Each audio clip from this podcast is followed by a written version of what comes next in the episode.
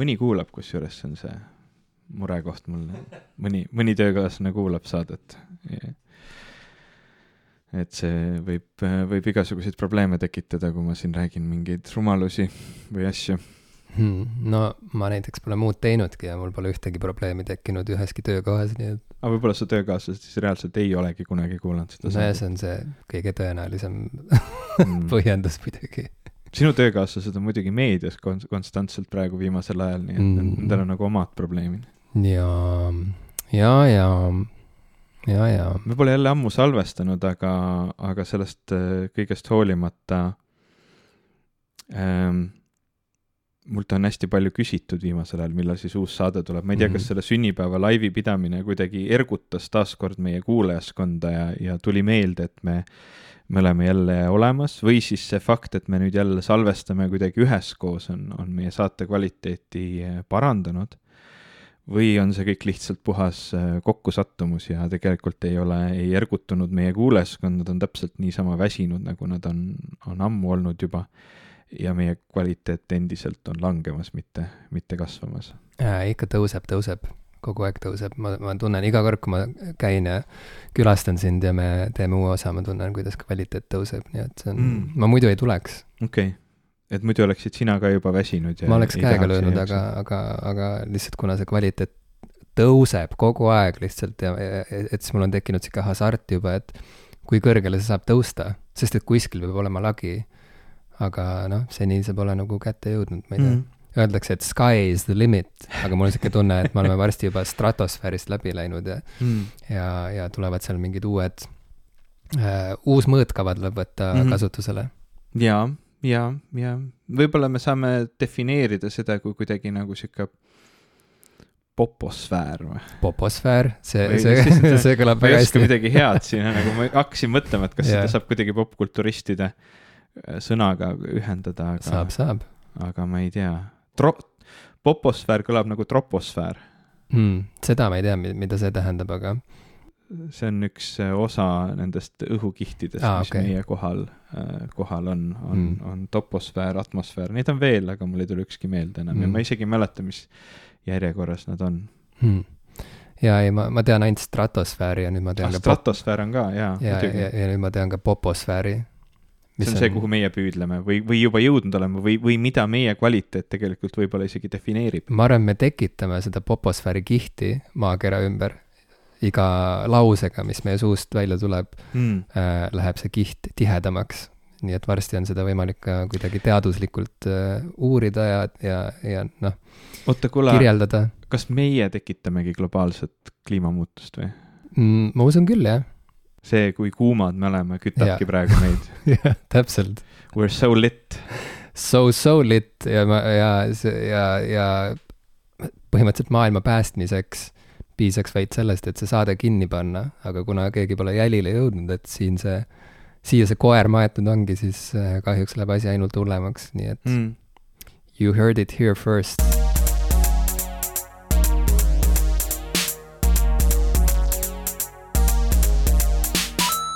tere, minu nimi on Ivo Krustok. tere, mina olen Jim Ashilevi. ja te kuulate saadet Poposfäär äh,, kogu tõde kliima soojenemisest. mulle enam, see sõna on kuidagi läinud kuidagi koledaks, popo, pop, pop, pop, pop, pop. Popo, see on muidugi, see on nagu ka nagu põllarid, vaata mm.. ja mulle ei meeldi see sõna enam. ma ei käinud eile Veliki ja Luki kontserdil ah,. no ma ei teadnud, et sa plaanisid sinna minna isegi. ma olen natukene aga... pettunud endas, ma olin lihtsalt nii väsinud, et ma ei jaksanud minna ja, ja eile esinesid Tallinnas siis Propeller ja Velik ja Luki mm. ja veel muuhulgas ka teised on. kus kohas? Vaba Lava hmm., Vabal Laval olid ja, ja ma lihtsalt olin nii väsinud, et ma ei jaksanud minna, nii et ma ei läinud ja täna õhtul esineb Sibyl Vane ja ma, mul on niisugune tunne, et ma ka ei jaksa minna mm. -hmm. mulle meeldib see rubriik äh, kontserdid, kuhu me ei läinud. jah, see on äh, palju väärtust lisav rubriik, ma usun, nagu kultuurimaastikule. see on umbes sama. kus kontserditel sina viimasel ajal ei ole käinud ähm,? oi, paljudel, paljudel, paljudel äh,. Toro y Moi oli Brightonis, kuhu ma tahtsin minna, aga kuna ma kolisin ära sealt, siis ma ei saanud sinna minna mm. -hmm ja see on Ja- päris hea põhjus, kusjuures, miks mitte minna. väga hea, siis äh, Morrissey käis Brightonis, ka sinna ma ei saanud minna samal põhjusel Mm -hmm. äh,. PJ Harvey käis Brightonis nüüd just äh, oma, küll mitte äh, muusikat äh, tegemas, vaid, vaid hoopis oma luulekogu esitlemas ja mm. ja ühe teise kirjamehega juttu rääkimas. sinna ei saanud minna ähm,. mis veel, neid, neid, neid, see nimekiri on väga pikk ja, ja see rubriik on umbes sama sisukas kui Twitter praegu nii et, et samamoodi siuksed head lühikesed äh, uudisnupud äh,, mille sisu on ülikaheldava väärtusega mm. -hmm. ja, ja, ja mille allika äh,, ma ei tea, korrektsust on võimatu tõestada. Mm -hmm. Aga meil on, meil on kõik, meil on sinised, valged, punased, mustad, kõik linnukesed on, on meie uudisnupukeste kõrval olemas ilusti, nii et nagu Okei. viiekordselt äh, verified, Verified. mis see Mhm. eestikeelne sõna on? kindlu-, kindlustatud. ei, ei, ei, kinnitatud. kindlustatud on teine asi. ja Kinnitatud. kindlustatud, meil on kindlustamata saade. tagatud kvaliteet. jah, et viiekordselt on kvaliteet tagatud mm. -hmm. ja, ja tõepärasus ähm,. nii, et siis see, täna- tänaseks siis nii palju selle, ei no selle, sellest teemast ma tegelikult tahtsin minna Veliki ja Lukit kuulama mm.. sest nad meeldivad mulle ansamblina või vähemasti mul on väga soojad tunded nende vastu äh, minu nooruspõlvest. Kuigi äh, pean tunnistama, et viimastel äh, kuudel või, või sellel aastal äh, on, on laulu Tallinn põleb kuulamine võtnud kuidagi teistsuguse tähenduse, võttes kõrvale, noh, tähendab, mul on nagu keeruline seda laulu kuulata ja mitte mõelda Ukrainas toimuva sõja peale, sellepärast et noh, nagu kuidagi lihtsam on laulda äh, lugu Tallinn põleb, kui sa ei, ei pea päriselt mõtlema selle peale, et su kodulinn põleb. aga, aga sellegipoolest on Veliki ja Lukk hästi lahe bänd ja ma olen viimasel ajal äh, olnud äh, kuidagi taaskord sellise pungilaine peal. Mm. ma vaatasin äh, üks õhtu äh, Disney plussi sellest äh, valikust, mida vaadates on see kõige populaarsem sari vist üldse viimasel ajal või kõige populaarsem meelelahutustegevus ehk siis striimimisteenuse kataloogi äh, brausimine Mm -hmm. kus sa lihtsalt äh, võtad ette ja, ja scroll'id vahel Jaa. vahel väga pikka Ja, aega. kolm tundi ja siis vaatad, et oh, ongi aeg magama minna. ongi aeg magama minna, ei leidnudki seda, mida, mida pidin täna vaatama. et, et noh, scroll isin seal ringi ja, ja avastasin seal siukse sarja, lihtsalt sihuke plakat oli, kuhu peale oli kirjutatud pistol. ja ma ei mäleta täpselt, miks see mind intrigeeris, aga, aga ma vajutasin sellele peale, ilmselt see plakat oli kihvtisti tehtud ja avastasin, et on tehtud uus minisari eh, ansamblist Sex Pistols mm. -hmm. Äh, ja ma ei olnud mitte midagi kuulnud, et sihuke asi üldse oli tegemisel ja kui ma uurima hakkasin, siis tuli välja, et sellega on seotud terve hulk mingisuguseid selliseid nüüd äh, äh, ma ei tea, paanikat või, või vastuolusid või, või, või murekohti. Ja, ja noh, mis seal ikka siis äh, tol hetkel ma ei teadnud sellest midagi ja panin mängima ja, ja vaatasin ära ja kirjutasin ka sulle, et, et äkki vaataksid sina ka ja, ja sa vaatasid, ma saan aru. Ja, ja kohe, kui sa mainisid seda, siis mulle meenus, et ma olen kuulnud sellest sarjast või, või vähemalt ma kuulsin sellest, et seda sarja tehakse või et see varsti välja antakse, kuna selle režissöör on ju Danny Boyle ja, ja kuidagimoodi sealtkaudu see minu äh, tähelepanu välja jõudis. aga, aga ma palju rohkem ei uurinud tol hetkel, et, et kõik see mingi muretsemine ja, ja ma ei tea äh,, kihamine, mis selle sarja ümber siis käinud on, nagu sa oled siin just öelnud, et sellest kõigest olen ma nagu, ma ei tea äh,, ilma jäänud no see teema on suuresti selles, et Johnny Rotten või, või siis John Lydon, mis ta, mis ta nagu päris nimi on, on, on üsna kriitiline olnud selle sarja osas.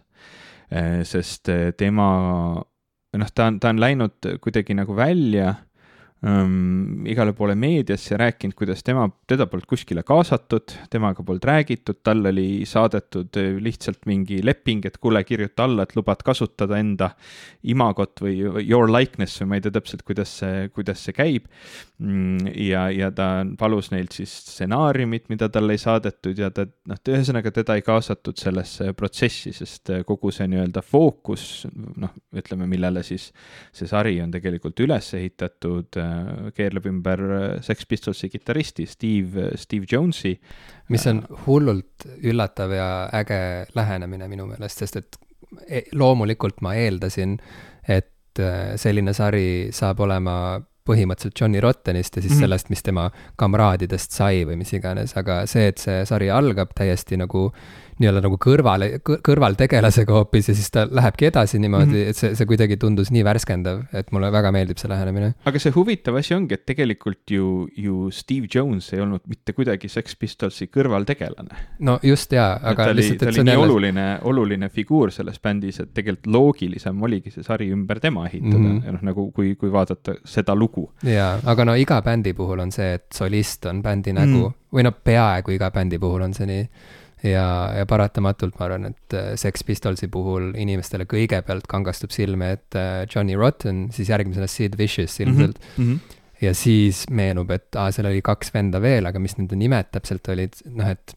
vähemalt minu puhul see on nii, aga ma julgen arvata, et ma ei ole ainus, kes nii äh, pealiskaudselt seda asja näeb ei, ma, ma usun pigem ka ja, ja noh, ka mulle oli, oli väga üllatav, kuidas see sari oli üles ehitatud ja seal oli aspekte, mis mulle selle juures väga meeldisid ja siis samas aspekte, mis, millest ma päris täpselt aru ei saanud, miks, miks ta nii oli, aga ma ei taha selle sarja sisusse liiga palju minna, sellepärast et sina oled vist vaadanud küll nüüd ainult mõned osad. Äh, sinul on sari veel vaatamata ja ma usun tegelikult arvestades seda, et, et noh, et see, see sari ei, ei ole vähemalt minu, minu nagu kuidagi ringkondades erilist kajastust saanud, et siis ma usun, et ka väga paljudel meie kuulajatel äh, on see, on see tähelepanuta jäänud ja võib-olla mõni, mõni, keda kogu see teema huvitab, sooviks seda vaadata.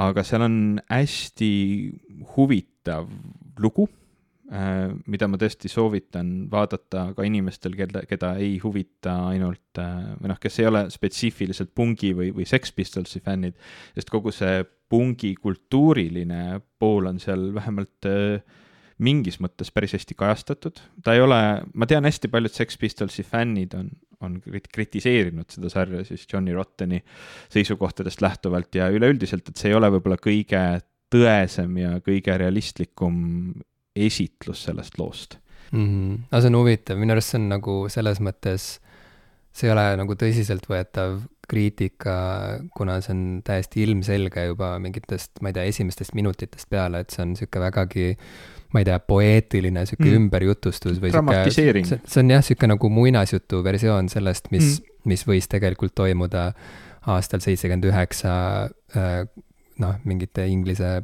punkarite kogukonna sees, et see on nagu mm. sihuke, ta on väga, ta on kohati isegi sihuke unenäoline, ma ütleks, nagu selle sarja stiil, ta on nagu unenäoline.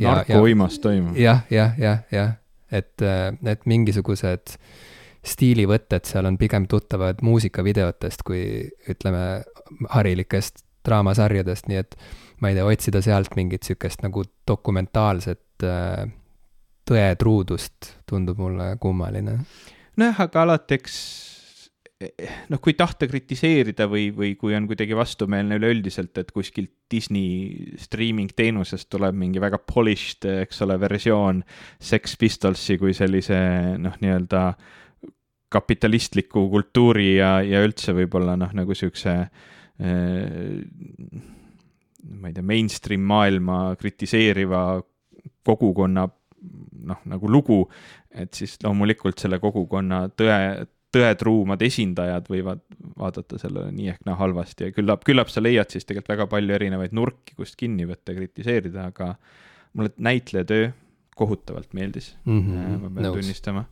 Äh, eriti äh, Malcolm McLaren oh, mänginud mänginud Pole kahtlust, et see, et see vend on selle sarja staar jah, ta on tõesti nagu väga huvitav ja, Sid Vicious ka on, on mängitud nagu väga lahedasti ja, ja mida aeg edasi, seda lahedamini tal, tal nagu, noh, nagu Sex Pistolsi loo puhul see, see võib-olla ei ole spoil imine, et ega Sid Vicious ei olnud ju algusest peale bändis, ta, ta tuli sinna ja tema siis fookus kasvas ajas ja samamoodi ta fookus selles loos nii-öelda noh, kasvab.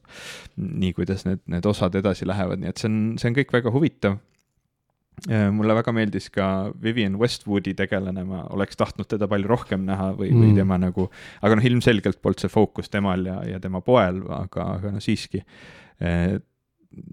seda kõike nagu kirjeldades või vaadates mulle lihtsalt tekkis tunne, et ma tahaks sellest maailmast palju rohkem näha mm. -hmm, nagu palju mm -hmm. rohkem sarju võiksid tegelikult keskenduda sellele ajale eh, mingisugusel viisil ja tegelikult ma mõtlen seda teatud mõttes ka nagu Eesti puhul, et, et meil ei ole väga palju Äh, meil ei ole väga palju meediat, meil ei ole sarju või filme näiteks, mis väga palju võtaksid noh, kasvõi Eestit üheksakümnendate alguses, natukene on, mis ta oli, Päevad, mis ajasid segadusse, on meil ja Sangarid ähm,. aga noh, ütleme võib-olla siis seitsmekümnendaid Eestis, Eesti nooruses, äh, kaheksakümnendaid, seda oleks ääretult huvitav jälgida, sest noh, mingis mõttes me oleme üles kasvanud ka nende lugude peal, mida meie vanemad on meile rääkinud.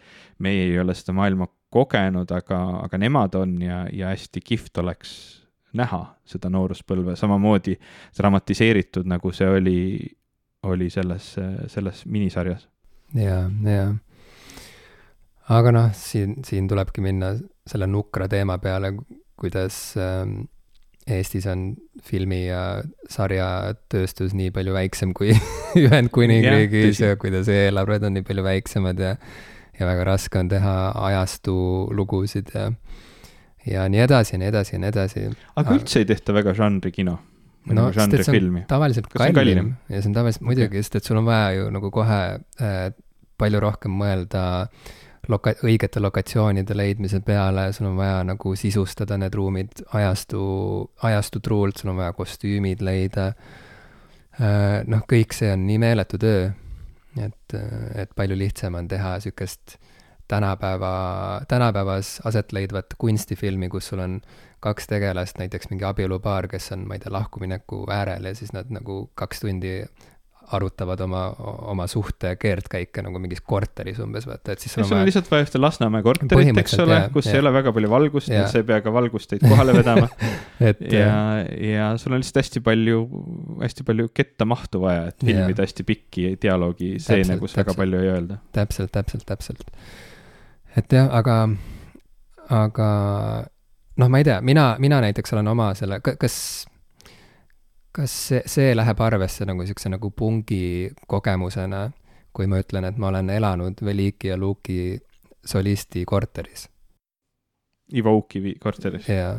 see, ma arvan, et see võiks olla olen, keskmisest olen, rohkem punkkogemus kui mõne teise või noh, kui näiteks, ma ei tea, Smilersi solistiga, kuigi seal Sal Saller on ka väga punkvend olnud mingitel perioodidel, aga noh, või noh, ma ei tea no., kindlasti rohkem punkkogemus kui Koit Toomega oi, kindlasti. ja Koit Toome korteris elada. ma ei ole elanud, aga Ivo Uukivile ma olen täitsa üüri maksnud. see ei ole väga punkkogemus. ei, aga, aa, okei okay,, kui ma oleksin üüri maksmine, kui sa oleksid seal nagu crash inud niisama põrandal kuskil, siis oleks rohkem, vähem, vähemasti see oleks rohkem punkkogemus olnud. aga me käisime saunas näiteks ka ja, ja siis sauna eesruumis oli Ivo Uukivi enda maalitud maal ja me võib-olla jõime ka õlut, ma ei tea, kas see on nagu juba pungilähedasem mingi. natukene aitab juurde okay.. kas, kas ta laulis saunas, et ei. kamin põleb? ei. kamin ta, põleb! ta ei, ta nagu landlord'ina ta ei ole nagu nii punk okay. kui, kui, kui laval. hästi. aga saunalaval siis ka mitte, ma saan aru? Äh, ka saunalaval mitte me keskendusime nagu äh, leili viskamisele äh, ja noh, nagu higistamisele mm.. no higistamine on veits sauna kogemusele. okei okay jaa, on, on, veits, jah, muidugi, muidugi on. kas sa lihtsalt püüdsid praegu kuidagi tuua sisse, et, et kuidas nagu tõestada oma seost punkkultuuriga?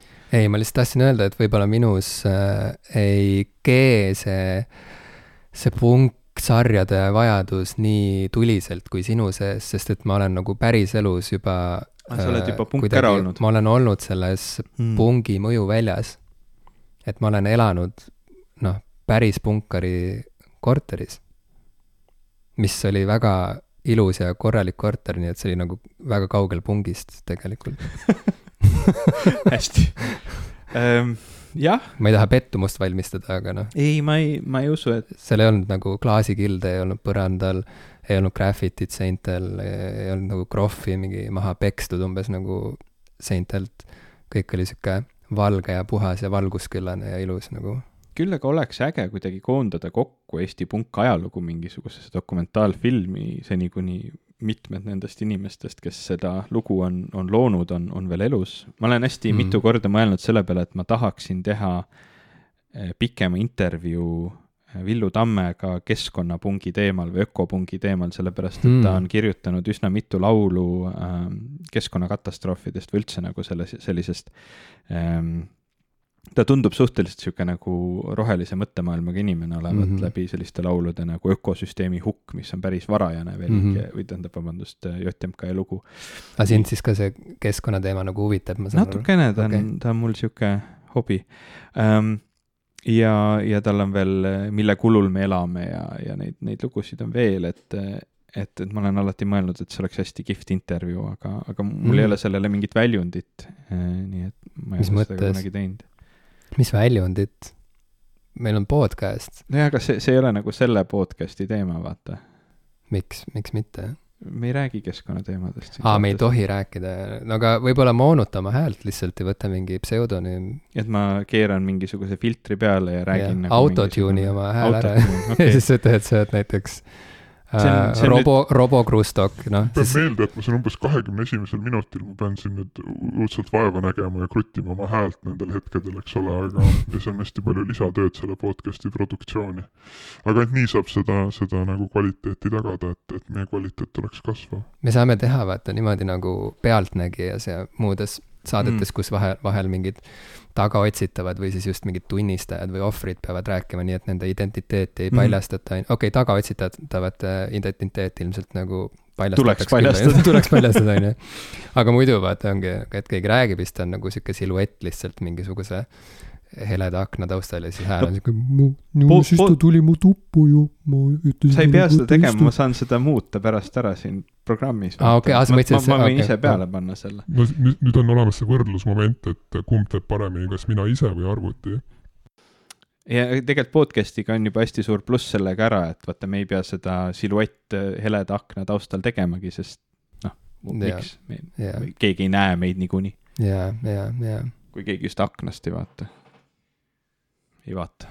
vist ei vaata, jah. praegu ei praegu vaata. ei vaata. aga äh, ma tahtsin veel seda öelda, et, et mm, ma püüdsin nagu selle sarja alguses aru saada, et, et oota, kas see nagu istub mulle või ei istu, sest et see sari on nii. esimene osa oli kuidagi veits, vajas sisseelamist. see on nagu piiri peal kuidagi kogu see sihuke, sest et kohati see kaldub mingisse siuksesse äh,, ma ei tea, nagu plakatlik tegelikkusesse või mingisse siuksesse nagu, et, et see on nagu need tegelased räägivad natuke nagu mingid nagu tegelaskujud. stereotüübid. jah, jah mm., nagu stere-, jah, jah, jah, just.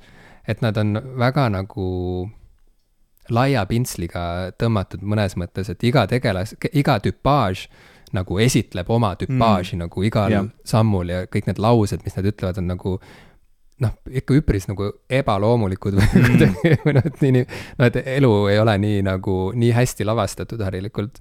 aga, aga, aga kuidagi see Malcolmi tegelane vist minu jaoks oli sihuke oluline võti, mis avas mu jaoks selle ülejäänud sarja või selle nagu stiili või selle nagu registri ka.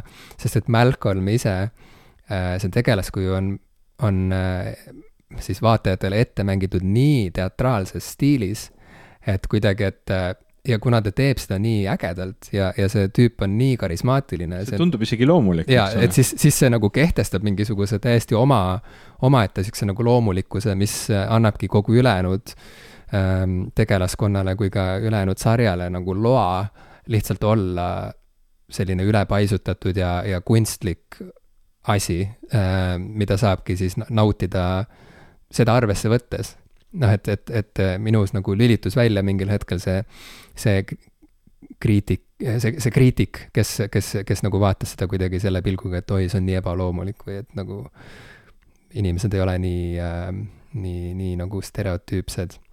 et jaa, ühesõnaga ma hakkasin seda nautima sellise, sellise postkaardina, mingi siukse nagu sürreaalse postkaardina seitsmekümnendate lõpust ja, ja võtsin seda sellena, mis ta nagu on ja siis läks asi äge, asi ägedaks. jaa, mul, ma pean tunnistama, ma isegi nüüd enam ei mäleta täpselt, mis, mis mind alguses häiris, aga ma mäletan, et seda esimest osa vaadates ma ei olnud kindel, kas ma jään seda vaatama. et ka mul oli ta alguses piiri peal, aga mida aeg edasi, seda rohkem ta nagu tõmbas mind sisse ja, ja viimaseid osi ma juba vaatasingi niimoodi täitsa üksteise otsa sest, sest lugu läks nii, nii põnevaks ja, ja nii kuidagi, noh, see kõik, see on nii kurb lugu, seal on nii palju asju, mis on nii kurvad, kõikide nende tegelaskujude ajalood ja nende toimimine üldse maailmas ja kõik, kõik see, mis seal, mis selles maailmas toimub, peale siis selle muusika, noh, mis muidugi väljendab kõiki, kõiki neid pingeid ja kõike seda valu ja kõike seda kohutavat elu. et, et noh, sealt, sealt see muusika, eks ole, sünnibki, aga, aga noh, teist küll, tei-, tei-, teisest küljest, eks seda on teatud mõttes ka väga kurb vaadata, nii et ega ta lihtne sari otseselt ei ole, aga ta on tehtud ikkagi teatava sellise huumori ja, ja sellise nagu äh, noh, see, seda, seda kõike on üritatud mängida kuidagi ägedaks, aga noh, väga paljud need asjad, kui nendele mõelda rohkem kui mõni hetk, ei, ei ole ägedad. ja, ja väga tõsi aga see meenutab mulle ühte filmi, mis, mis võib-olla nagu ma, ma tooks selle nagu illustratsiooniks, et mida ma rohkem näha tahaks, sest see, see sari on, on, on ka natukene sinnapoole, oli selline film nagu Leto äh, ansamblist Kino ähm, mm. mis käis vahepeal kinodes ja, ja mida ma käisin vaatamas, mis oli samamoodi siis Viktor Tsoist ja, ja tema siis bändikaaslastest ja sõpradest ja kaaskondlastest äh, film mis täpselt samamoodi ei, ei olnud tehtud üks-ühele noh, nagu siis niisuguse dokumentalistika põhiselt, vaid, vaid oli ehitatud üles mõttega, et et noh, toome siia maailma natukene siis mingit maagiat juurde, et ta oli natuke muusikaliks tehtud, natukene nagu üle mängitud siit-sealt, aga ta oli jube kihvt vaadata.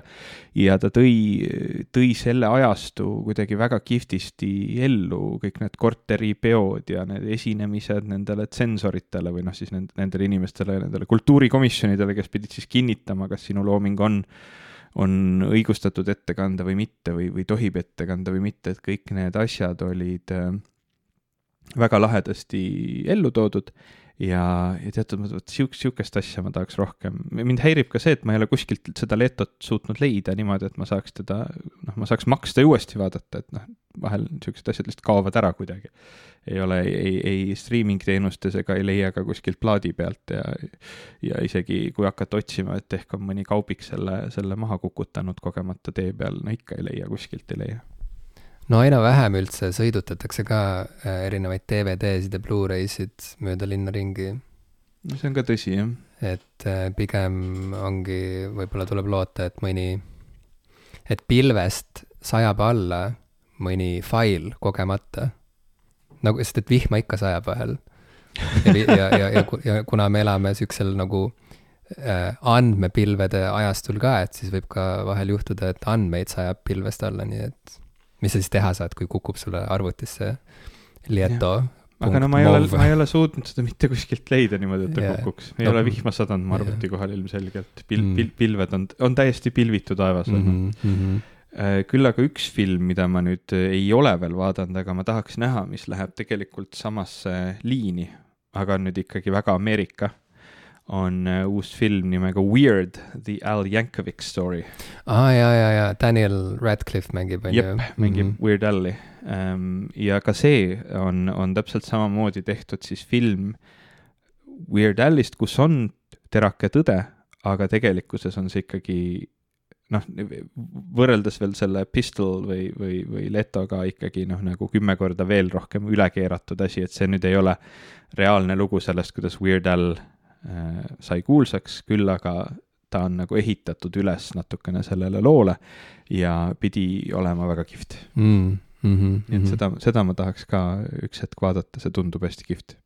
ma ei tea, ma olen nagu igati sellise äh, üle võlli äh, ümberjutustuste ja fantaasiaküllaste ma ei tea, dokumentaallugude fänn selles mõttes, et ma olen, ma olen nagu nende, sellise lähenemise poolt äh, sest ma usun et päris Küll. maailm on igav. ei, ma usun seda, et ma usun sellesse, et, et äh, sageli fiktsioon jätab palju rohkem ruumi selleks, et üldse mingit nagu tõesarnast asja Hmm. mm. esitada. et sageli mingisugused ähm, mingid lood, mida me tahame jutustada elust enesest äh,, need lood nagu ärkavad päriselt ellu siis, kui me natuke sinna midagi juurde lisame ja mm, -hmm. ja, ja ühtlasi sealt midagi ära võtame, ühesõnaga teeme sellest mingisuguse niisuguse kunstiteose mm, -hmm. siis jääb sinna palju rohkem ruumi sageli äh, selleks, et, et võiks nagu selle olnud ajastu või selle, või selle inimese, keda portreteeritakse, et tema see mingisugune niisugune vaim võiks nagu äh, esile tõusta selles teoses, samas kui niisugune äh, kuivem ja ütleme nagu faktiliselt justkui täpsem niisugune ümberjutustus või dokumentalistika võib sageli jääda nagu kinni mingisse nagu vaatenurka. Ja, ja iga, igal juhul lõpuks äh, juhtub ju see, et, et kogu lugu ei saa ega, ega oska nagu ümber jutustada, et sa pead niikuinii midagi välja jätma, niikuinii pead kuidagi nagu ühele poolele rohkem sõna andma kui teisele ja siis mingid tüübid üldse ei saa sõna võtta ja noh, et see on niisugune nagu äh, lõputu võitlus mingis mõttes, mitte et see oleks nagu võimatu teha mingit nagu tasakaalustatud ja, ja mõjuvat ja, ja raputavat dokumentaalfilmi või sarja, et absoluutselt on võimalik, aga lihtsalt ma arvan, et nagu fiktsioonil on mingisugune väga-väga suur äh, potentsiaal mis tegelikult nagu selle, selle väljamõeldise kihi alt lubab paista tegelikult palju suuremal niisugusel nagu tõelisusel, kui teinekord mingisugune niisugune based on a true story päris dokumentaallugu. jah, ja no ega see based on a true story ka, noh, ma, ma toon siin näite, ma olen vahel arutanud seda teemat fotograafia osas.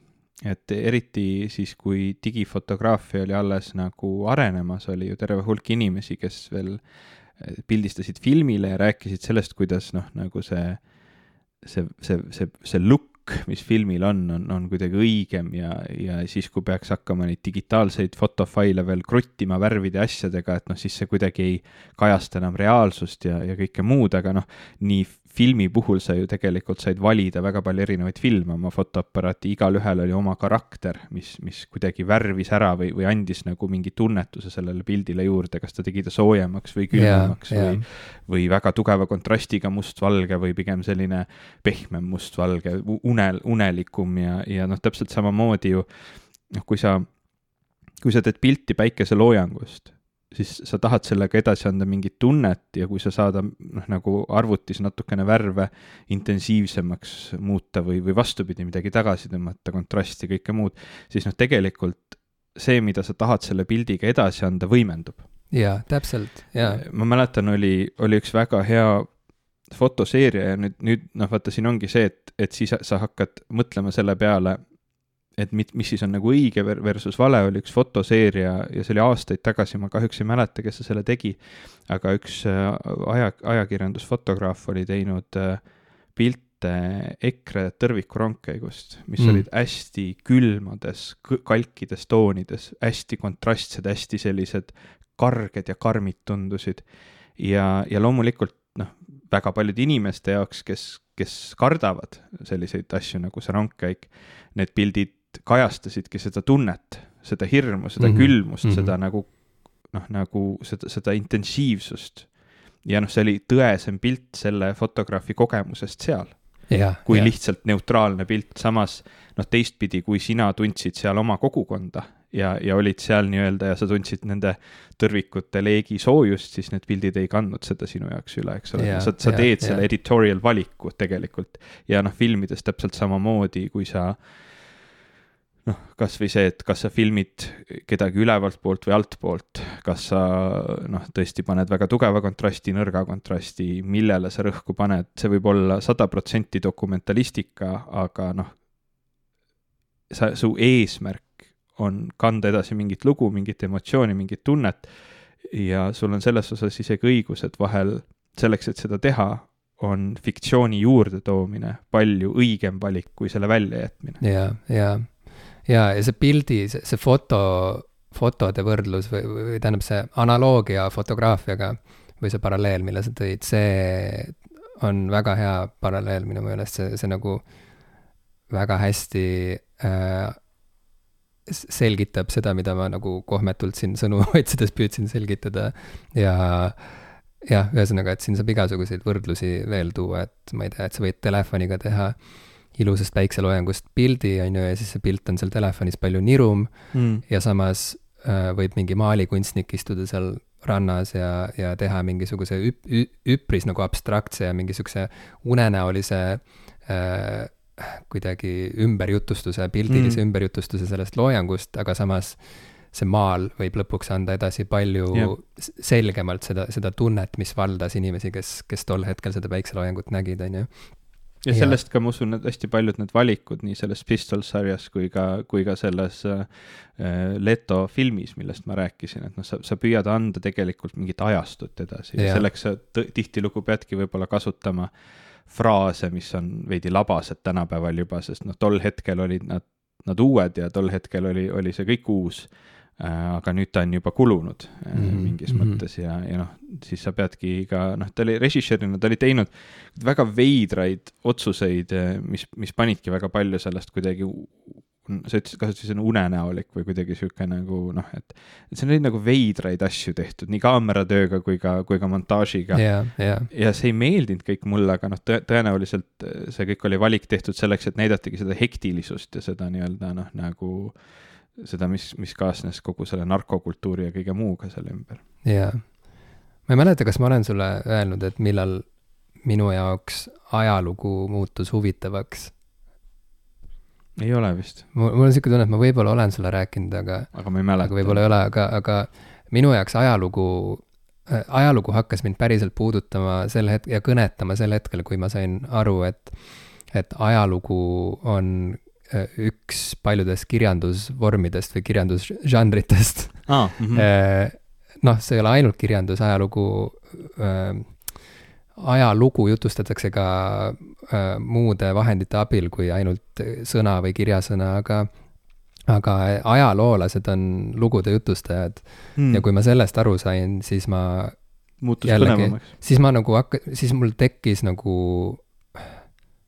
suurem huvi ajaloo vastu lihtsalt, sest et äh, see jah, muutus nagu ke-, muutis asja nagu keerulisemaks, aga samas ka huvitavamaks mu jaoks, et, et lõppkokkuvõttes äh, ka ajalugu jutustades peab autor tegema mingeid valikuid, ta peab nagu midagi sinna, ta peab otsustama, mis ta jätab sisse, mis ta jätab loost välja, kuidas ta nagu sõnastab asju milliseid mingeid vastandusi või mingisuguseid siukseid jõujooni ta otsustab nagu selgemini välja tuua ja milliseid mitte ja see kõik kujundab seda, mismoodi siis see kehtiv narratiiv noh, mil-, millise ilme see nagu võtab või, või, või, või, või mida laiem üldsus siis nagu tajub oma ajaloona, et, et alati on olemas mingisugune sihuke peavoolu, sihuke narratiiv ja siis on mingid siuksed konkureerivad mingid väiksemad siuksed äh, story'd jooksevad seal kõrval.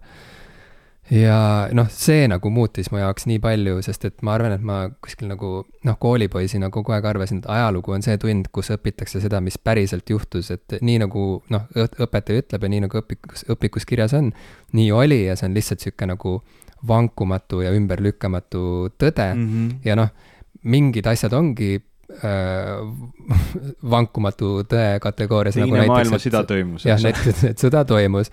me, me teame ka neid kuupäevi, on ju, millal mingid asjad juhtusid, võib-olla isegi kellaaegasid ja nii edasi me mhm. teame nagu, et millised isikud olid seotud kogu Hitler selle. Hitler suri ära selle lõpus, või noh, seal lõpu lähedal. jah, et äh, aga noh et sellest, aga, aga noh, ongi, et on, on üks kiht, mis on niisugune nagu vankumatu tõekiht, aga siis selle peal, sinna peale on vaja ehitada ikkagi mingisugune niisugune nagu narratiiv ja, ja, ja narratiivi ehitamiseks juba on vaja ikkagi läheneda asjale äh, loo jutustajana. ehk siis noh, põhimõtteliselt kirjanikuna, nii et, et ajaloolased ei ole, ei ole sugugi mingisugune teine liik kirjanikke võrreldes, ma ei tea, ulmekirjanikega näiteks, kes, kes just, just nagu tunduvad äh, teises äärmuses olevat, aga tegelikult äh, ei ole seda, ei ole seda mitte. jah, aga kas sa mäletad, millal see, see, see nagu tõdemus sinuni jõudis äh,? ei aga see, ma arvan, et see, see juhtus millalgi pä pärast keskkooli alles mm.. see juhtus nagu minul, hilja. Kindlasti ka minul või võib-olla isegi väga hilja, sest noh, ma nagu, noh, see üks asi on see nagu nüüdisajalugu ja, ja ma ei tea, Teine maailmasõda, Esimene maailmasõda, noh, see isegi nagu teatud mõttes see aeg, kus meil noh, on, mida rohkem on meil erinevaid meediume, seda salvestamaks, seda, seda kindlamad me saame mingites asjades olla, aga on hirmuäratav, kui palju asju me arvame, et me teame ja räägime, et me teame ja, ja kasutame osana omaenda ajaloost ja, ja, ja isiklikest narratiividest isegi vahel, millel ei ole mitte mingit tõsist tõepõhja. või noh, ütleme, mida kaugemale me ajaloos läheme ja, ja see, mida me tõesti õpime noh, nagu me, me õpime meeletult pikka inimkonna ajalugu äh, ajalootunnis, on nii palju asju, mille puhul see kõik on õhkõrnadel eeldustel, aga, aga ja, seda ja. esitletakse või, või ma isegi ei ole kindel, kas seda esitletakse, aga kindlasti me võtame seda vastu kui, kui lihtsalt tõde, et need asjad käisid nii, hoolimata sellest, et noh, tegelikult ei ole põhjust seda võtta nii. ja, ja jube suur kiusatus on inimestel romantiseerida omaenda mineviku kannatusi mm. ja, ja suuri triumfe ja kui minna üksikindiviidist kaugemale, minna niisugusele nagu riigi või ühiskonna mm. tasandile juba, siis see kiusatus aina kasvab, et äh, iga rahvas maailmas tahab näha ennast niisuguse nagu suure ja targa ja võimsana ja, ja igaüks tahab olla kangelane omaenda loos, eks täpselt, ole. ja, ja, ja nii et äh, mingisugused niisugused ajaloosündmused, mis võisid küll muuta, on ju, selle selle ühiskonna saatust ja, ja võisidki olla selles mõttes väga märgilised, ei pruukinud nagu toimumise hetkel olla sugugi nii, ma ei tea, suurejoonelised ja, ja nagu selgelt siuksed nagu noh, nagu äratuntavalt siuksed nagu suured hetked, need võisid olla nagu lihtsalt mingid kohtumised, mingid nagu noh, sündmused, mis nagu alles hiljem äh, on siis nagu ajalooraamatutes puhutud mingiteks sellisteks nagu ooperi mastaabis suurteks nagu sündmusteks. on, on üllatavalt palju ajaloolisi tegelasi, kellest ju nende ajal väga ei räägitud, aga enamus lood on kirja pandud mitukümmend aastat peale nende surma. noh, see, see juba tekitab hästi palju küsimusi ja kahtlusi, eks ole. mm. aga tegelikult ma tahtsin selle põhjal küsida, et äh, ma lihtsalt teen nagu eelduse, et sina nagu ka mina, nagu ma usun, ikkagi suur osa inimesi peavad ennast oma loo kangelaseks või, või sa ei pea um...? ma küsin niimoodi, mida ma tahan küsida tegelikult, kas sa sead seda kunagi kahtluse alla? ja, ja ikka ja muidugi. um,? Nendel hetkedel, kui ma teen selle mõtteharjutuse, et aga mis, mis siis, kui, kui ma ei olegi kõige tähtsam inimene oma elus või noh. aga ma ei ütle tähtis, ma ütlen nagu spetsiifiliselt aga, oma loo kangelane. oma loo kangelane ähm,, no see on mõnes mõttes, see on niisugune hea konksuga küsimus, on ju, sest et me kogu aeg nagu kõige rohkem aega veedame iseendaga ja väga raske on näha no, oma sa ei räägi ju kellegi teise lugu, eks. jaa, et ja, ja kuidagi kõike, mida sa nagu räägid ja, ja mõtled, sa ikkagi oled tahes-tahtmata sunnitud filtreerima läbi oma teadvuse ja aju, on ju, ja, ja, ja siis see kõik on juba eos kuidagi alati moonutatud sinu enda järgi ja, ja selles mõttes on nagu su enda isiksus tuleb, tuleb nagu kaasa absoluutselt iga, ma ei tea, iga olukorraga. Mm nii et ähm,, aga võib-olla see sõna kangelane ongi see, mis, mis mind mõtlema paneb. et mm., et kui sa oleks kasutanud mingit muud sõna, siis ma oleksin kohe öelnud jah. peategelane. aga, aga. aga peategelane ei väljenda enam seda, mida ma tahan väljendada, sest see, see küsimus on nagu selle kahtluse alla seadmises, sest äh, noh, nagu ma noh, iga inimese lugu, noh nagu ka sedasama Pistol sari, eks ole, et sinna fookusesse selle peategelane on kitarrist. eks ole, ja, ja kõik teised on kõrvaltegelased tema loos. seda lugu on võimalik rääkida, võttes ükskõik kelle teise sealt peategelaseks ja, ja muuta neid kõrvaltegelasteks.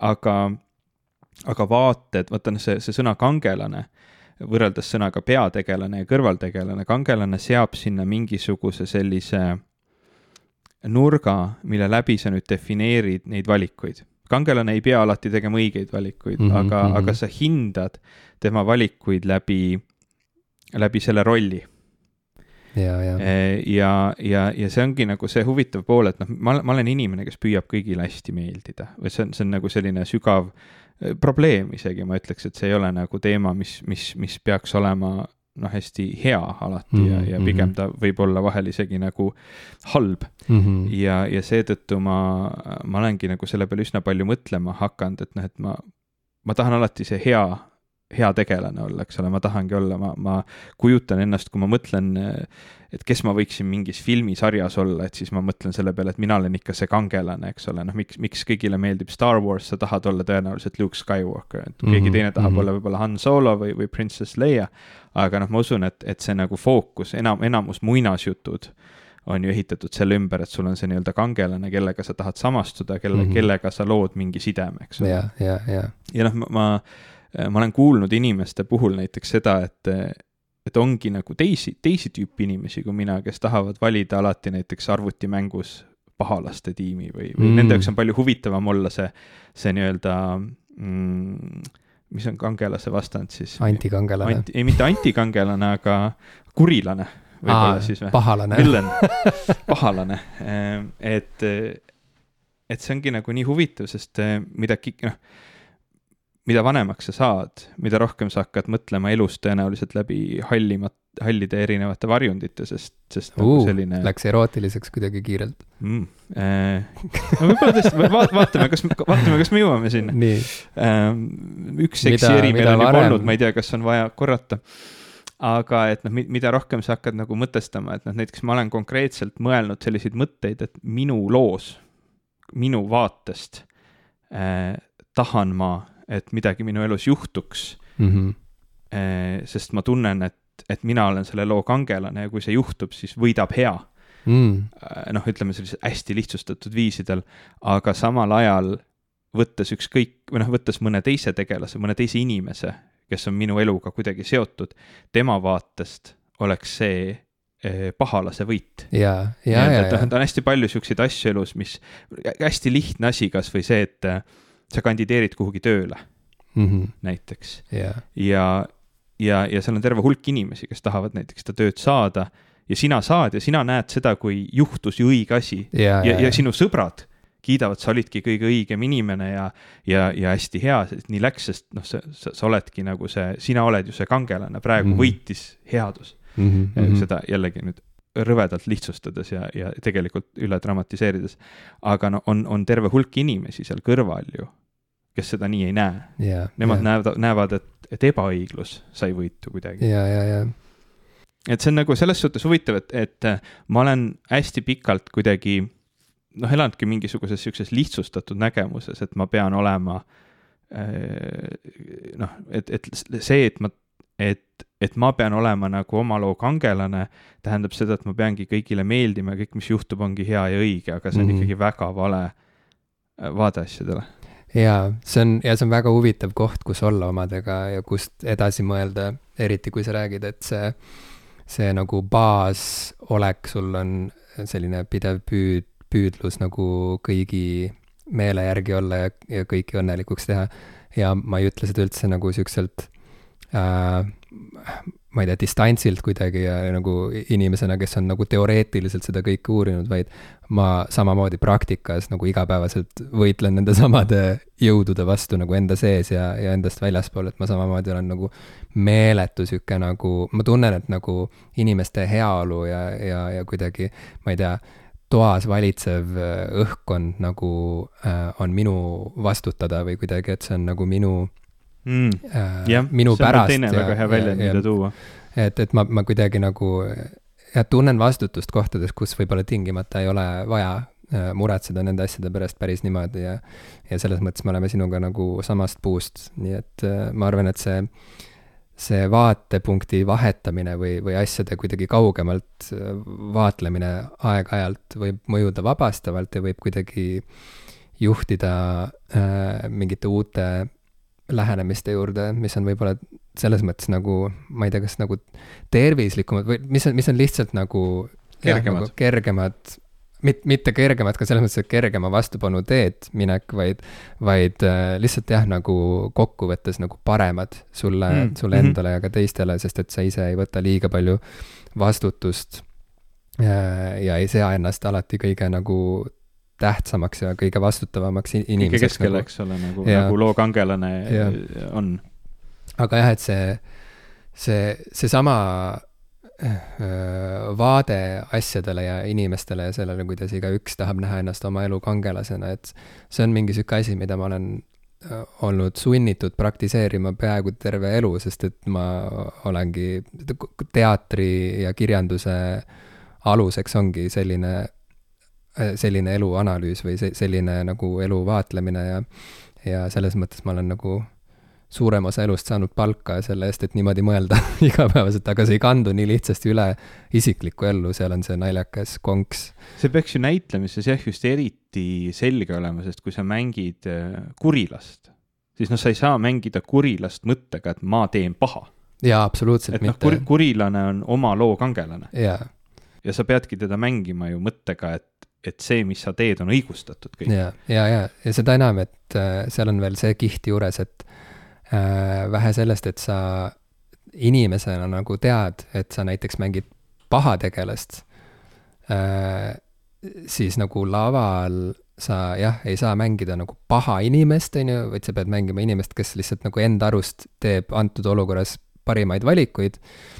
Ja, ja seejuures need teised tegelased, kelle puhul sa ka nagu tead, mismoodi nad objektiivselt paistavad, siis nagu laval sa pead teesklema, et sa nagu ei tea, kuidas nad objektiivselt teistele paistavad, vaid sa pead nagu petma ennast äh, niimoodi, et sa nagu usuksid lavale, et, et see, mis nad, jah, et nad on su vastu mm. või mis iganes või noh, et seal ühesõnaga niisugune nagu mitmel eri tasandil korraga mõtlemine toimub äh, laval ja see on jumala põnev ja tegelikult viimati, ma ei plaaninud sellest üldse rääkida, aga viimati ma kogesingi sellist asja just nüüd äsja, kui ma äh, mängisin lõpuni Mass Effect'i äh, RPG triloogia. ja äh, ma ei tea, RPG-de fännid ilmselt teavad seda mängude se seeriat äh, kui üht kõigi aegade parimat sellist nagu lugu, mida, mis on nagu videomängu maailmas kirjutatud selles mõttes, et, et seal on nii palju, jällegi nii palju nagu erinevaid äh, variante, kuidas see lugu äh, kulgeda ja, ja lõppeda saab. ja, ja keda, kellega sa seal kohtud ja kellega ei kohtu ja nii edasi, et see on, see on nagu selles mõttes huvitav lugu, et et äh, jällegi võrreldes mingi romaaniga, sul on, on ju, kõik, mis seal kirjas on seda kõike igaüks saabki lugeda ja, ja selles mõttes saavad inimesed nagu sarnase lugemiskogemuse. samas kui äh, lugu nagu Mass Effect on, ongi nagu algusest peale kuidagi kirjutatud nii, et seal nagu nii esimene kui teine osa jäävadki täitsa pooleli, noh, et see ei ole nii, et sa nagu mängid selle lõpuni ja siis saad omamoodi mingisuguse lõpetatuse rahulduse või midagi sellist, et seal reaalselt nagu sa pead mängima need kolm osa, on ju, läbi, et seda, seda tervet, seda suurt lugu läbi teha.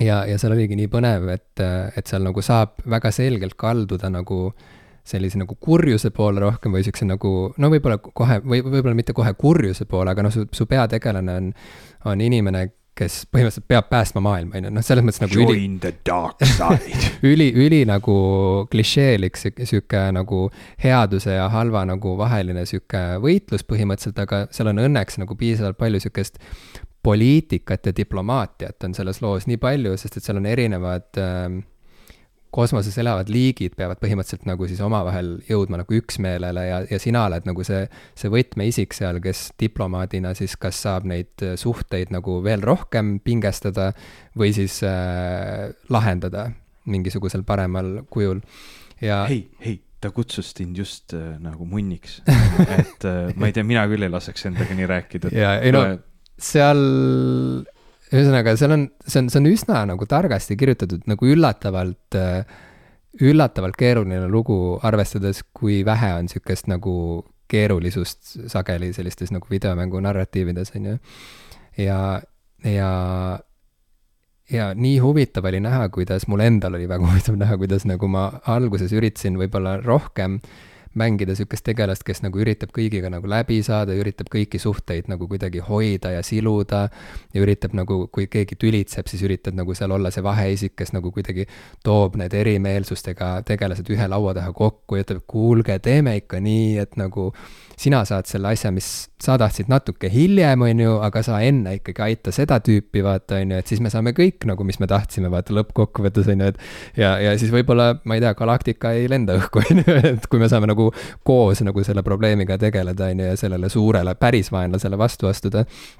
aga, aga ma märkasin, kuidas ma nagu loo edenedes aina rohkem nagu hakkasin kannatust kaotama ja aina rohkem kuidagi nagu kalestusin ja muutusin siukseks nagu põhimõtteliselt siukseks nagu kahurikuuliks, kes lihtsalt nagu, kellel on nagu siht silme ees ja kes lihtsalt nagu lendab ja, ja kui on vaja läbi seinte minna või läbi teiste tegelaste või läbi mingite sõprussuhete või mis iganes, siis ma nagu aina vähem nagu vaevusin kuidagi nagu tegelema mingite inimeste oma mingite egoprobleemidega või oma mingite pisikeste eraeluliste draamadega ja aina rohkem kuidagi tundsin, et nagu, et okei okay,, kõik, mis loeb, on see, et ma jõuaksin sinna lõppu, et ma mm -hmm. leiaksin selle lahenduse ja kui siin tee peal nagu inimesed saavad surma ja ma kaotan mingeid sõpru, siis lihtsalt nii on, sest et mingist hetkest alates jah, et mul on eesmärk ja mingist hetkest alates nagu kuidagi, no ma ei tea, see tegelaskuju lihtsalt muutus ja ta oli kogu aeg äh, lõpuni välja nagu selle loo kangelane ikkagi aga, aga see oli nii, see oli vist esimest korda mu elus, kui ma kogesin seda, et ma tegelikult nagu hakkasin mängima,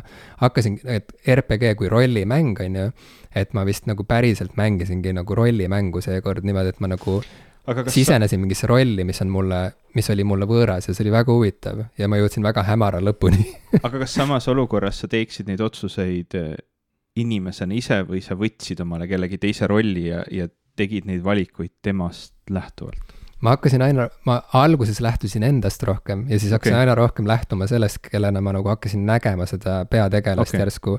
et ta on keegi mm. teine, et ta ei ole päris selline nagu lepitaja ja sihuke hea. raske teha ma tean, see on, sul tekib ja seal, ma ütlen Mass Effect, seal on nagu mingeid olukordi, kus nagu mul ikka mitu päeva mingisugused valikud ja mingid otsused nagu kummitasid mind ja kuidagi, mitte no, ei piinanud. Disco aga... Elysiumi on näiteks ka keeruline mängida selles mõttes, et ma tahan, ma nii tahan, et see politseinik nagu leiaks üles oma äh, noh, nagu headuse ja ikkagi saaks kaineks ja, ja samas osake sinust tahab näha, et kui hulluks asjad veel saavad minna ei, seda edasi. ma pole kunagi tahtnud proovida aga sa ei ole tahtnud? ei ole tahtnud, aga okay. vot see on jälle minu probleem, eks ole. aga võib-olla ma küsingi sult nagu selles vaates, et näitlejana, kas sulle meeldib rohkem mängida kangelast või, või kurilast? Ei no sellele on nagu kõigil alati seesama vastus minu meelest, minu arust absoluutselt iga inimene ütleb nagu, et no, nii-öelda nagu pahasid tegelasi on mm -hmm. palju huvitavam mängida. Okay.. sest et neil on palju rohkem, neil on, seal on nagu rohkem mängida alati. kellena sa kujutad ennast ette, kui sa vaatad Star Warsi, kellega sa samastud? Äh, ma sageli tegelikult samastun mingite nagu robotitega nagu, ma ei okay., ma ei, ma ei tee üldse nalja isegi, ma arvan, ma arvan, et ma samastun rohkem mingi R2D2-ga kui, kui Luke Skywalkeriga okay. tegelikult eh,. milline Avenger sa oleksid? Hakkasin mõtlema, milline, kes, kes kuulub sinna kampa. sinust on mõni aeg juba möödas. milline Avenger? me panime su Spider-man'i kostüümi digitaalselt, kui me Annikiga seda. aa, õigus, aa, ta on ka Avenger, on ju. ma, ma, ma arvan, et ma olen Spider-maniga. Anniki on ka Avenger, jah. ja, ei, ei, Annik, ja, ei, Annik on loomulikult Avenger, aga, aga ma arvan, et Spider-man on selles mõttes kõige sarnasem temaga samastud. sest et ta, ta teeb kogu aeg nagu, ta on sihuke nagu kohmetu, ta teeb lolli nalja palju, sest et ta on ebakindel ja ta samas nagu tahab head teha igas mm. olukorras, samas kui tal oma mingisugune heaolu ja mingid oma suhted nagu kannatavad sageli, sellepärast et üritab nagu kõigile head teha kogu aeg. ja milline, milline tegelane sa oleksid Sõrmuste vennaskonnas? Um,. või oli see Sõrmuse vennaskond, ma ei mäleta, kas see oli Sõrmus või Sõrmustee. Anyway, sõrmusid on palju, aga on üks arvan, sõrmus, mis on tähtsam kui teised sõrmused. ma arvan, et pigem, pigem Bilbo kui Frodo näiteks okay. aga sina, sa pead samadele küsimustele vastama. samadele küsimustele või? Sõrmuse vennaskond, kes sa oleksid? sõrmuste vennaskonnas ma tahaks olla Aragorn. okei okay,, sa tahad olla cool mees ma tahan olla cool see, tugev mees. ma ei pea olema see, kes nüüd selle maailma ilmtingimata päästab, aga ma tahan olla see, see, see de facto hero, vaata mm. -hmm, ma saan aru, okei okay., Avenger. Iron Man. aa, okei okay.. muidugi ma kujutan ette sind küll Iron mina ei Manile. kujuta, aga, aga see on see, kes ma tahaksin olla jaa. tihtilugu. ei no see on teine, see, mult sa ei küsinud, kes ma tahaks olla. okei okay,, kellena sa ette kujutad jah, aga vaata, see on ka ikkagi see, et ma defineerin läbi selle, et noh, nagu ma kujutan ette, kes ma seal tahaksin olla. ja, ja mm. -hmm. nii, ja mis, mis seal see Star Wars. Star Warsis, sa juba ütlesid, et Luke Skywalker samas. vaat ma ei tea, kas Luke Skywalker või, või Han Solo. aga üks kahest neist, mm -hmm. see on nagu keeruline. okei okay.. Ma ja, roh-, ja kui ma näitlen, siis ma ilmselt vist tahaksin kangelast mängida, mulle tundub keeruline ja, ja, ja, ja veider mängida kurilast. kuigi no ma kujutan ette, et see on huvitavam. see on, see, seal on nagu rohkem, see, see on nagu töömahukam, saad aru, aga lõpuks nagu ka see, see on nagu rohkem, ma ei tea, rahuldust pakkuv või rohkem, seal on nagu seda töövõitu, see töövõit on nagu suurem kui sa, sest et sage-, sest et see on nagu ka sihuke by default sihuke asi, et inimesed, isegi kui nad on mingid nagu väga halvad inimesed nii-öelda, siis nad üldjoontes üritavad näidata ennast nagu nagu pigem nagu paremast küljest, on ju, mingites nagu tavaolukordades, ma ei tea, kasvõi Mhm. mingi toidupoes või kus iganes, on ju. et, et siis nagu see on nagu omamoodi sihuke ebaloomulik jõupingutus äh, lasta, näidata ennast avalikult nagu halvast küljest. Ja eriti äh, mingite näidendite puhul sa ikkagi mängidki ju mingeid, ma ei tea, mõrvareid ja mingisuguseid nagu äh, inimesi, kes nagu oma, ma ei tea, kõige lähedasemaid inimesi reedavad ja, ja nagu ma ei tea, inimestele nagu noa selga löövad, et see on nagu sihuke, et need on siuksed inimlikkuse tahud, mis jällegi on kõigile tuttavad, nagu kõik suudavad samastuda ka mingi kõige jälgima tegelasega mingil tasandil vähemalt.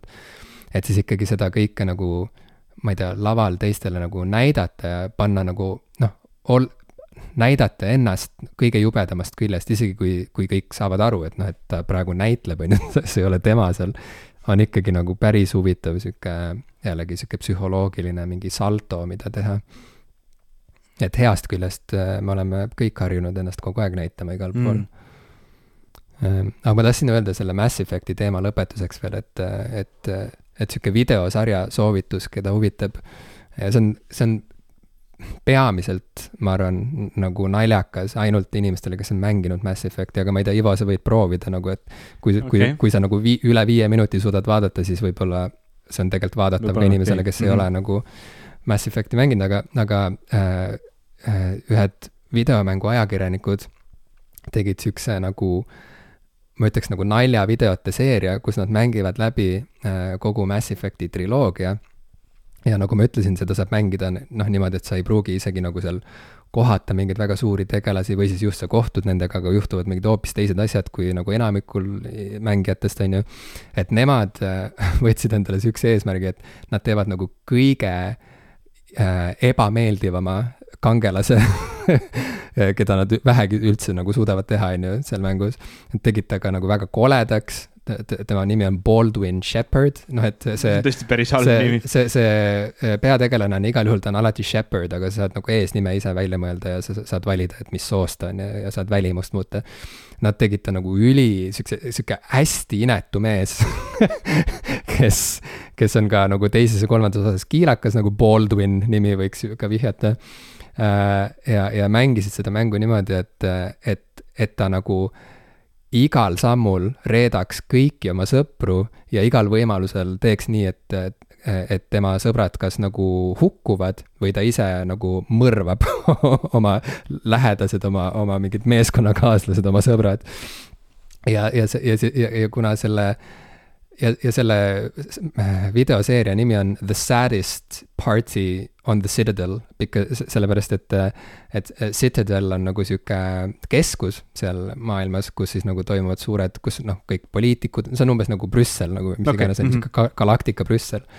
Washington. et siis seal nagu äh, Citadelis toimub ka nagu, see Shepard saab seal pidada ühe peo, enne kui nagu toimus see lõpulahing on ju, ja see nagu vist ideaalis on sihuke väga tore stseen või sihuke omaette sihuke nagu täiesti omaette lugu nagu, kuidas kõik need nagu kamraadid saavad jälle kokku ja kuidas nad nagu mingi ma ei tea, räägivad juttu ja nagu tantsivad ja, ja nagu veedavad mõnusasti aega koos, et see on mingi sihuke täiesti eraldi sihuke DLC, mis tehti, on ju.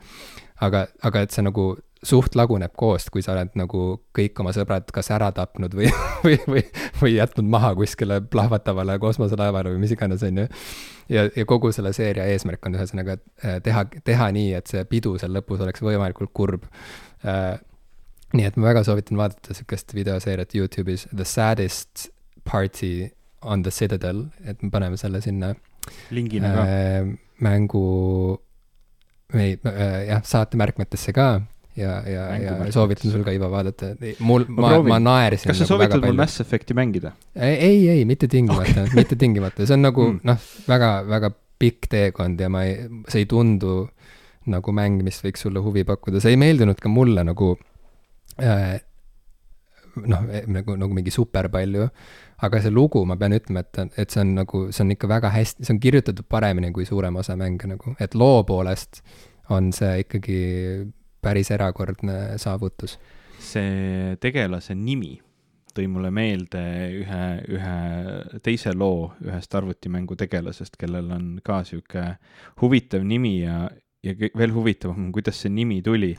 Äh, ma ei tea, kas sa oled kunagi kokku puutunud Monkey Island seeria mängudega, me võib-olla oleme isegi saates paar korda rääkinud. just tuli selle... uus Monkey Island välja ka. täpselt, ja selle peategelane on Guybrush Threepwood. ja, ja, ja. ja selle tegelase nimi tuli niimoodi, et äh, selles nii-öelda graafikaprogrammis, mida nad kasutasid tol ajal, olid äh, tüüpilised faili nime lõpud, nagu täna me teame JPEG ja bitmap ja GIF on ju mm, -hmm. oli punkt brush.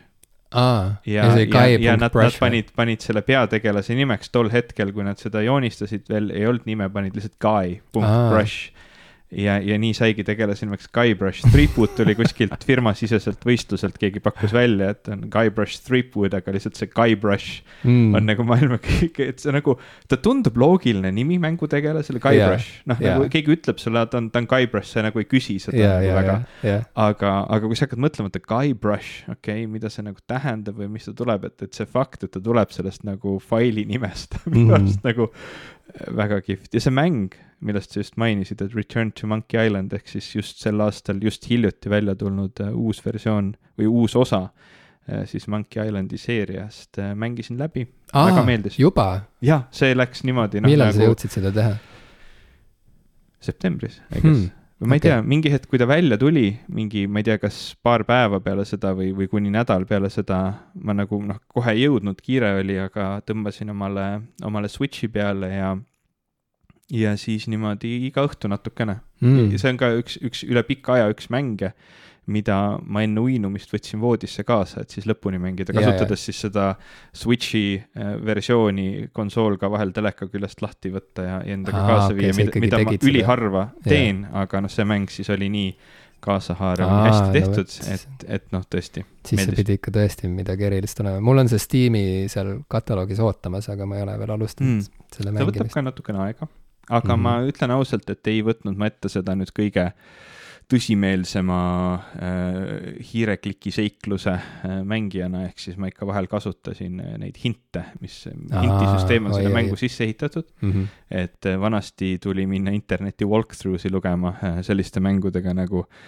äh, Full Throttle vist oli näiteks ja Sam and Max ja siuksed mängud, mida, mis, mis on nii kohutavalt keerulised kohati, et sa, sa ei pruugi nagu päevi või nädalaid aru saada, mida sa pead tegema, et edasi ja, minna. ja, ja no Full Throttle'ist reaalselt oli nagu mingi koht, kus sa pead ootama ära, kuidas mingid seierid jõuavad õigesse kohta ja siis lööma jalaga täpselt õige kivi peale kiviseinas see on väga deflating mm. -hmm. nagu, et, et noh, anyway, et ma mäletan lihtsalt oh, sõbraga mängides seda lapsepõlves, et, et noh, siuksed kohad olid lihtsalt nagu, reaalselt me olime seal päevi kinni. nagu lihtsalt ei tule selle peale, kuidas siit nüüd edasi saada. et, et Monkey Island nii hull ei ole ja noh, teistpidi siin on siis sisse ehitatud ka selline väike hintide süsteem, mis, mis on nagu, mis, mis avab sulle täpselt nii palju, kui sa ise oled okei okay,, et sa, sa küsid, noh, et, et mul oleks hinti vaja, ta ütleb mmm,, võib-olla sa peaksid rääkima veel külaelanikega mm. -hmm, ja siis ta ütleb, okei okay,, I need another hint. võib-olla sa peaksid rääkima selle tüübiga okei okay,, I need another hint, võib-olla sa peaksid talt küsima seda, et noh, sa nagu ise, ise valid, noh, kui, kui palju sa nagu tahad avada sellest, aga, aga ta aitab äh, sellistest nagu kohtadest, äh, kuhu sa nagu kinni jääd äh, edasi minna, sest mulle ei ole alati oluline, noh, selliste mängude puhul see, et ma nüüd selle kõige keerulisema lahenduse nüüd välja mõtlesin, kuigi see on hästi äge tunne, kui, kui sa millegi välja mõtled. aga ma tahaks, et see lugu läheks piisava tempoga edasi, et ta ei tüüta mind ära. ja, ja, ja. Ei, see on väga tõsi, see on väga tõsi ja kuna ma olen sihuke perfektsionist, siis ma äh, olen ikka väga palju maadelnud iseendaga, et anda endale see luba nagu vahel vaadata vaadata. internetist, et kuidas mingi asi käib. sest et ma sageli ikkagi, ma kipun pigem nagu nii palju peaga vastu seina äh, sõitma, et ma lihtsalt äh, nagu, ma kaotan huvi selle mängu vastu, vaata aga, aga see on alati halb koht, kuhu, kuhu jõuda, sest et miks mitte juba varem siis lihtsalt otsida kuskilt mingi vihje üles ja ikkagi nagu nautida sedasama nagu flow'd äh, enne, kui see täiesti ära kaob.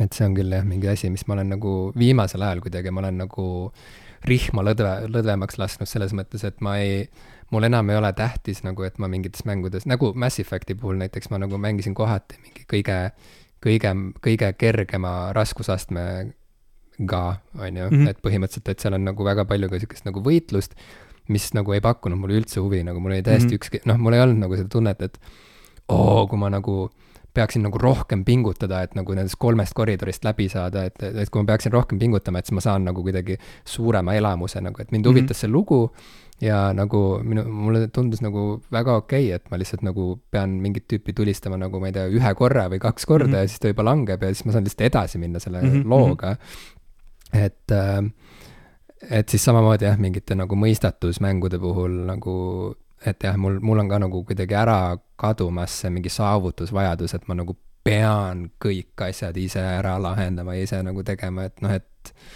kui see nagu rikub seda mängu naut-, nautimist või kui see nagu hakkab seda elamust nagu äh, lõhkuma, et siis, siis pole sellel enam mingit väärtust jah, hästi paljudel uuematel mängudel ju on nüüd, nüüd ka nagu see difficulty valik, et, et kas sa tahad sellist suuremat väljakutset või, või sind huvitabki lihtsalt selle mängu lugu ja, ja kõik see, mis seal nagu noh, sellist lisakeerukust pakub, võib-olla, võib-olla ei huvitagi nii väga. jaa, aga väga lahe lahendus, mida sa kirjeldasid, ma ei teadnud, et neil on niisugune vihjete süsteem sinna sisse ehitatud ja see kõlab väga toredalt igal juhul ja super hea häälenäitlemine, väga kihvt lugu, väga mm. hästi läbimõeldud mäng, väga kihvt graafiline stiil, mida on hästi palju kritiseeritud.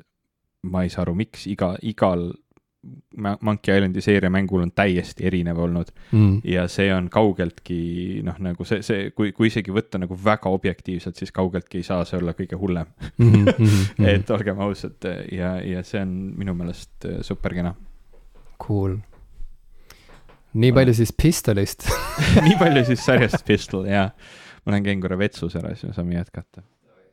rääkides seriaalidest ja kontsertidest, kus pole käinud ja mida pole näinud, siis äh, selline seriaal nagu Andor jookseb ka Disney's, mida arvamusliidrid vaatavad ja kiidavad, aga kuna pole ise näinud, siis ei tea nagu kinnitada ega ümber lükata, aga võttes arvesse, millised arvamusliidrid seda seriaali on vaadanud ja kiitnud, võib siiski pigem oletada, et tegu on väärt vaatamisega ja, ja, ja võib ka oletada seda, et ka inimesed, keda Star Wars reeglina jätab külmaks, võiksid Andorist siiski huvituda, kuna see on nagu mingisugune nagu teistmoodi lugu. Et see, see nagu räägib mingit teistsugust lugu vahelduseks. nii et äh, väga võimalik, et seal võib-olla isegi ei välgu ükski valgusmõõk, ma ei tea seda, ma ei tea, võib-olla välgub, võib-olla, võib-olla välgub, aga ühesõnaga olen kuulnud, et seal on mingisugune nagu vangla teema ja, ja et, et see seriaal on nagu üllatavalt terav ja kriitiline.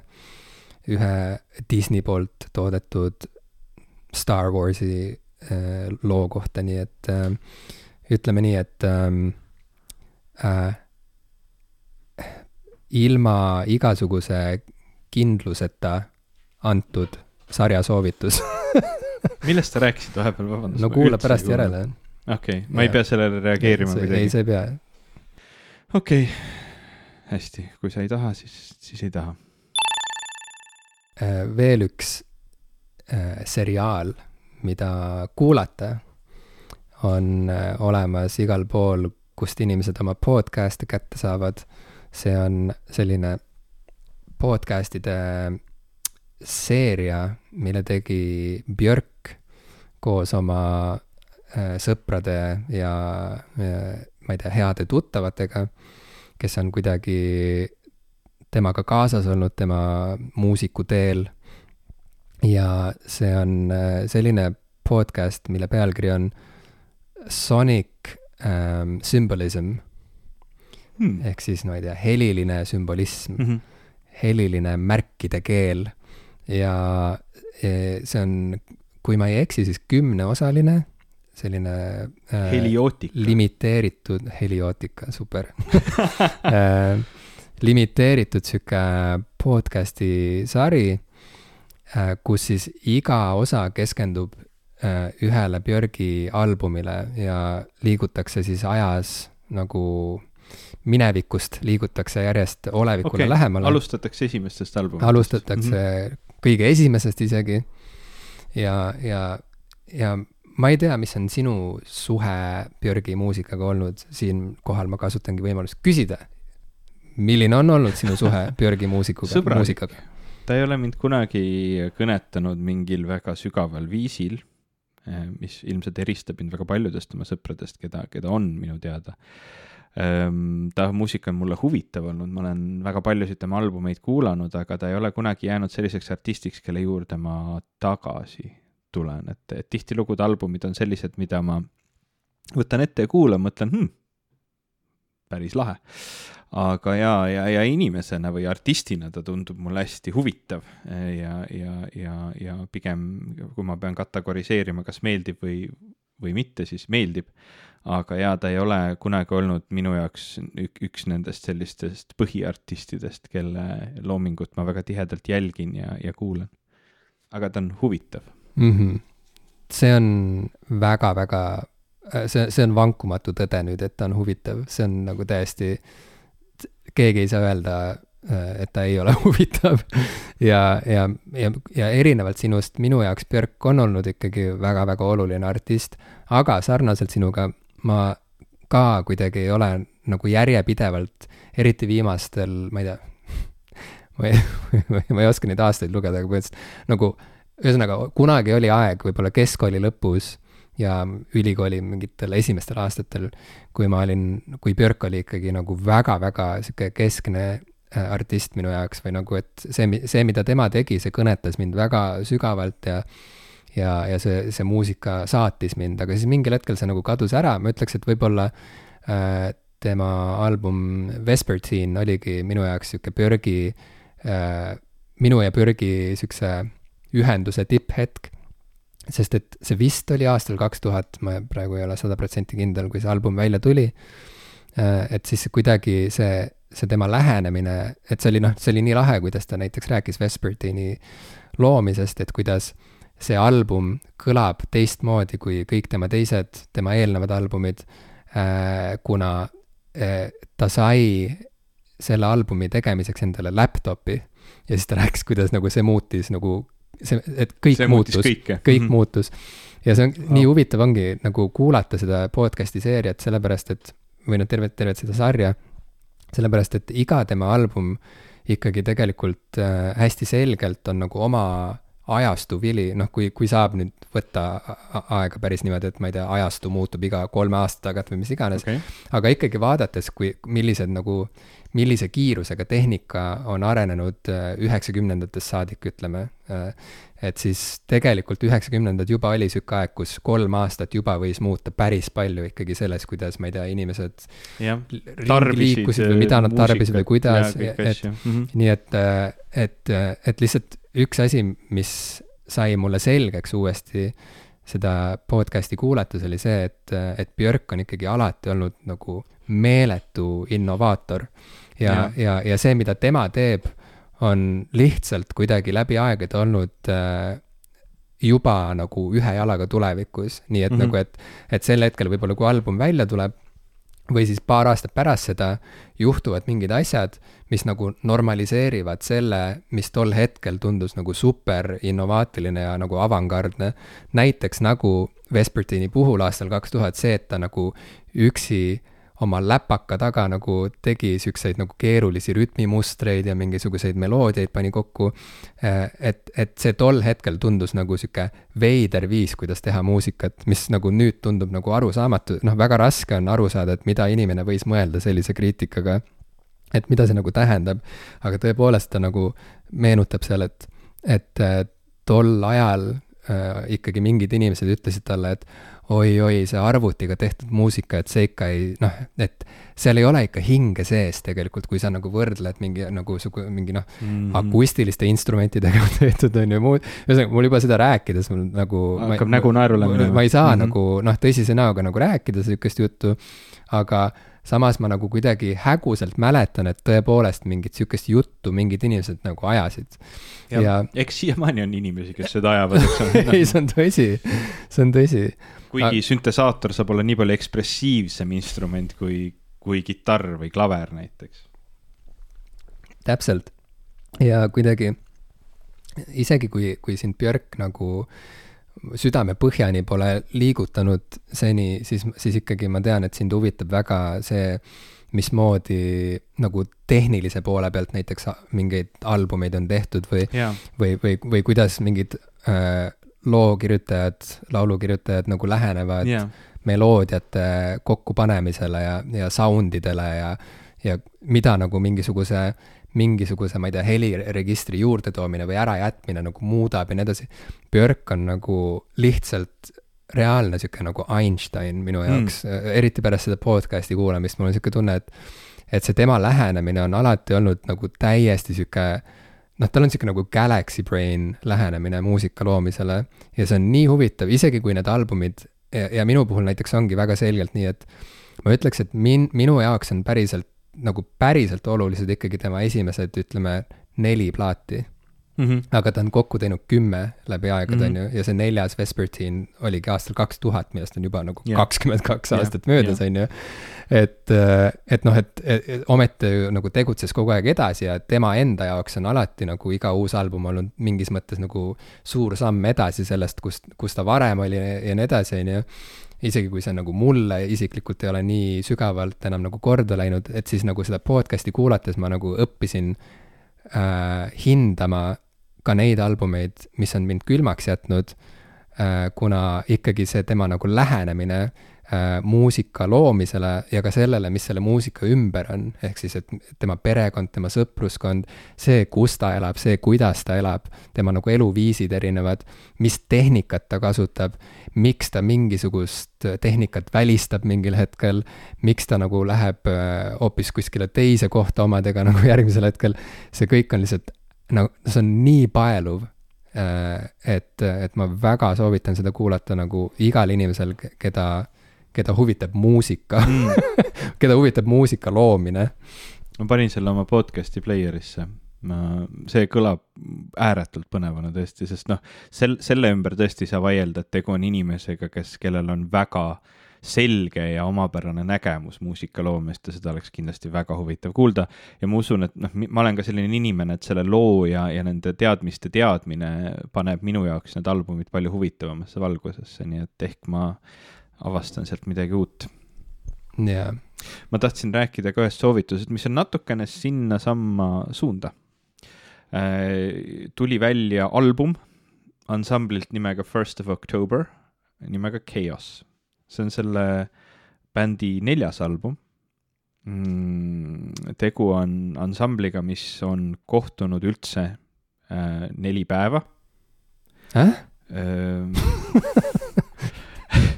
see kõlab nagu mingi väljamõeldud jutt praegu, kus sa räägid seda ka mingite sihukeste pausidega ja, ja sest... sul on imelik nägu peas, kas see on mingi sinu projekt või? ei ole okay., see on äh,, ma ei tea, kas sa tead selliseid Youtube ereid nagu Rob Scallion ja Andrew Huang ah,, Andrew Huangi ma tean, sest et sa oled teda väga palju kiitnud. jaa, on üks, üks teine tüüp nimega Rob Scallion ka, nad on sõbrad ja, ja üks on Kanada, Kanadas elab ja teine elab äh, Ameerikas ja siis nad saavad kord aastas esimesel oktoobril kokku, et salvestada ühe päeva jooksul album aa, ja mitte okei. ainult salvestada, kirjutada Mm. ehk siis nad, nad tulevad hommikul stuudiosse, neil ei ole mitte midagi ja siis neil on kaksteist tundi aega, et salvestada album, jaa, no see kõlab täiesti absurdselt. on ju.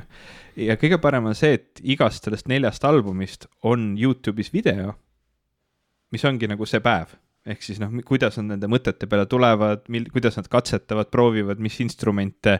Ja, ja vaadata, kuidas nii and-, nii mitte ainult andekad, vaid nii teadlikud inimesed muusikast, kes oskavad oma pille nii hästi mängida, kes tunnevad muusikat nii hästi, kes on nii kogenud laulukirjutajad, et ta suudabki nagu et üks hakkab trummi mängima, teine hakkab kitarri mängima ja mingi viie minutiga on neil mingi mõte ja, ja siis nad salvestavad ära kiiresti, sest nad oskavad oma pille nii hästi mängida, et nad teevad esimese korraga ära ja siis nad lähevad, istuvad ja kahekesi natukene arutavad sõnu ja kirjutavad sõnad ja, ja ongi lugu.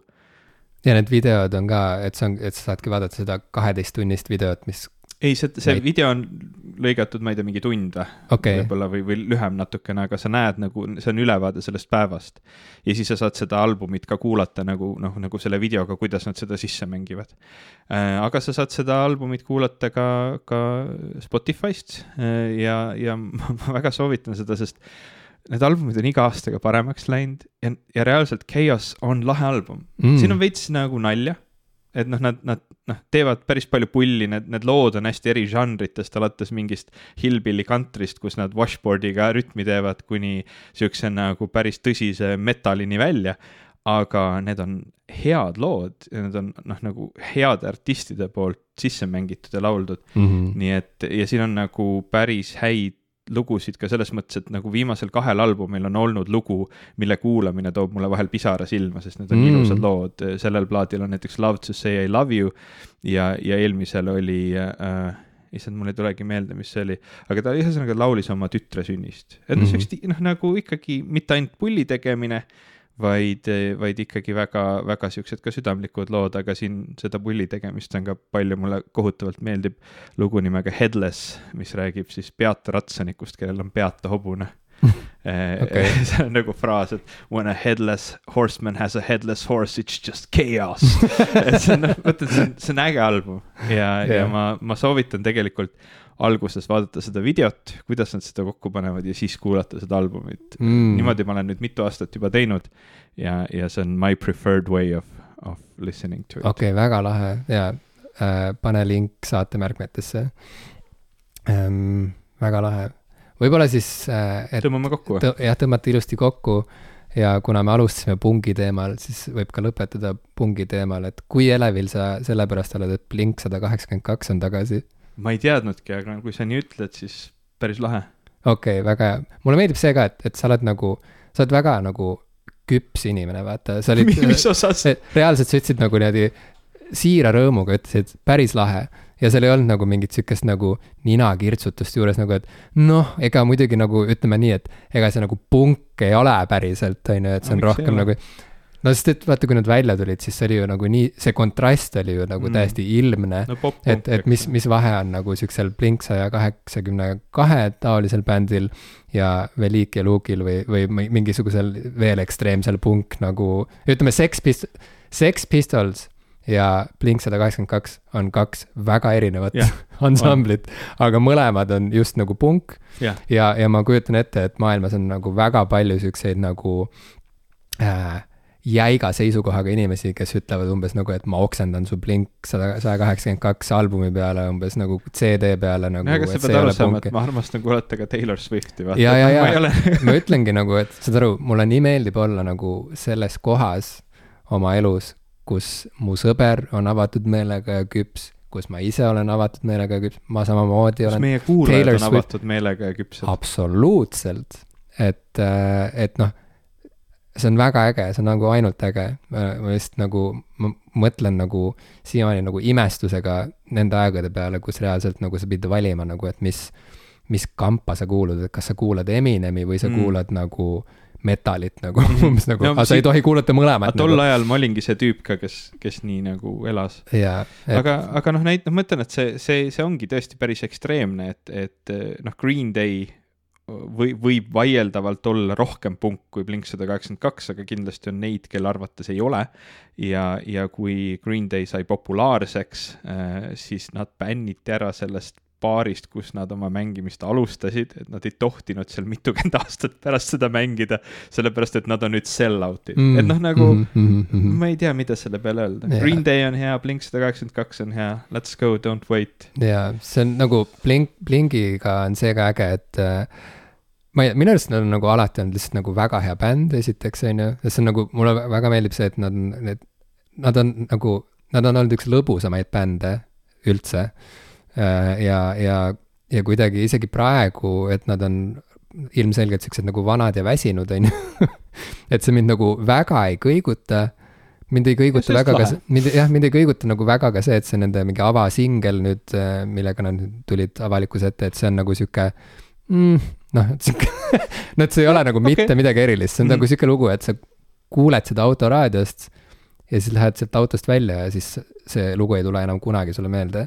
aga, aga põhimõtteliselt lihtsalt mulle me-, me oleme sellest nii palju rääkinud, mulle lihtsalt meeldib see, kui inimesed nagu peavad vastu läbi aja, vaata, ja, ja nagu ja liiguvad eluga edasi ja teevad edasi, nagu ajavad edasi oma rida nagu sõltumata sellest, et neil ei ole võimalik enam olla, ma ei tea, üheksateist või kakskümmend üks ja teha seda teist albumit või seda esimest albumit jälle nagu ja olla meeletu ja pöörane ja ja, ja, ja sihuke crazy nagu artist, et, et äh, noh, Blingi äh, ühel ühel, ühel mehel sealt kolmikust, Markil oli ju vähk, millest, mille, mille ta suutis seljatada, mis on nagu noh, imeline äh,. ja, ja nad, nad on teinud igast muid asju seal vahepeal, on ju, vahepealsetel aastatel, ilmselgelt äh, Travis, trummar on nagu, ma ei tea, ilmselt üks üks nõutumaid ja, ja nagu ägedamaid trummareid üldse maailmas, on ju, et ma kujutan ette, et tal on mingi mitukümmend erinevat bändi nagu, millega ta on seotud uh,. Tom, on ju, tegi ka Angels and Airwaves'i ja, ja, ja ka ilmselt ka mingeid muid asju, et lihtsalt, et nad lõpuks on nagu jõudnud tagasi kuidagi oma selle tuumik kolmiku näol on, on lihtsalt kuidagi nii tore mu jaoks, ma lihtsalt nagu, mul on lihtsalt nii hea meel nõus, minu meelest nad ka lihtsalt on nagu toredad olnud alati. et kui, et eks seal need vahed ongi, et kui Sex Pistols oli sihuke äng ja viha ja, ja, ja see töölisklassi kannatus ja, ja kõik muud, siis Blink sada kaheksakümmend kaks, eks seal oli ka omajagu ängi, aga seal oli ka hästi palju nagu sihukest lihtsalt joviaalsust ja, ja see on äge. ja, ja, ja see, mis sa praegu kirjeldasid ähm,, ma arvan, et inimesed võivad arvata, et, et need on nagu vastandlikud äh, bändid või see on nagu vastandliku kõlaga muusika äh,. kui samas tegelikult see, seesama äng ja viha ja valu, mis selle muusika taga on, võib olla nagu sarnasem, kui me oskame mm, nagu ettegi kujutada, et sellele on viidanud need Blingi mehed ise ka, kuidas äh, nende sõprus, see, see, mis neid kokku tõi, oligi see, et nad kõik olid pärit katkistest peredest ja olid nagu läbi teinud mingeid kõige veidramaid, nagu halvemaid asju äh, lastena ja noorte inimestena ja see muusika oli nende jaoks nagu see pääsetee mingis mõttes mm. ja see, mis neid nagu kokku tõi ja selles mõttes see on nagu täpselt sama asi, mis tõi kokku ka Sex Pistolsi, noh mm., välja arvatud, et seal oli, on ju see Malcolmi. Malcolm tõi kokku Malcolm tõi kokku, on ju, ütles, et homme oled proovis, nagu sa oled mm., sa oled, sa oled imelik mm. -hmm. sa meeldid mulle, sa oled imelik mm., tule homme proovi mm. nii et jaa, ühesõnaga, et, et valu ei pea väljenduma nagu äh, röö-, röögete näol ainult, vaid äh, elu on palju huvitavam ja kunst on palju huvitavam kui sihuke mustvalge pilt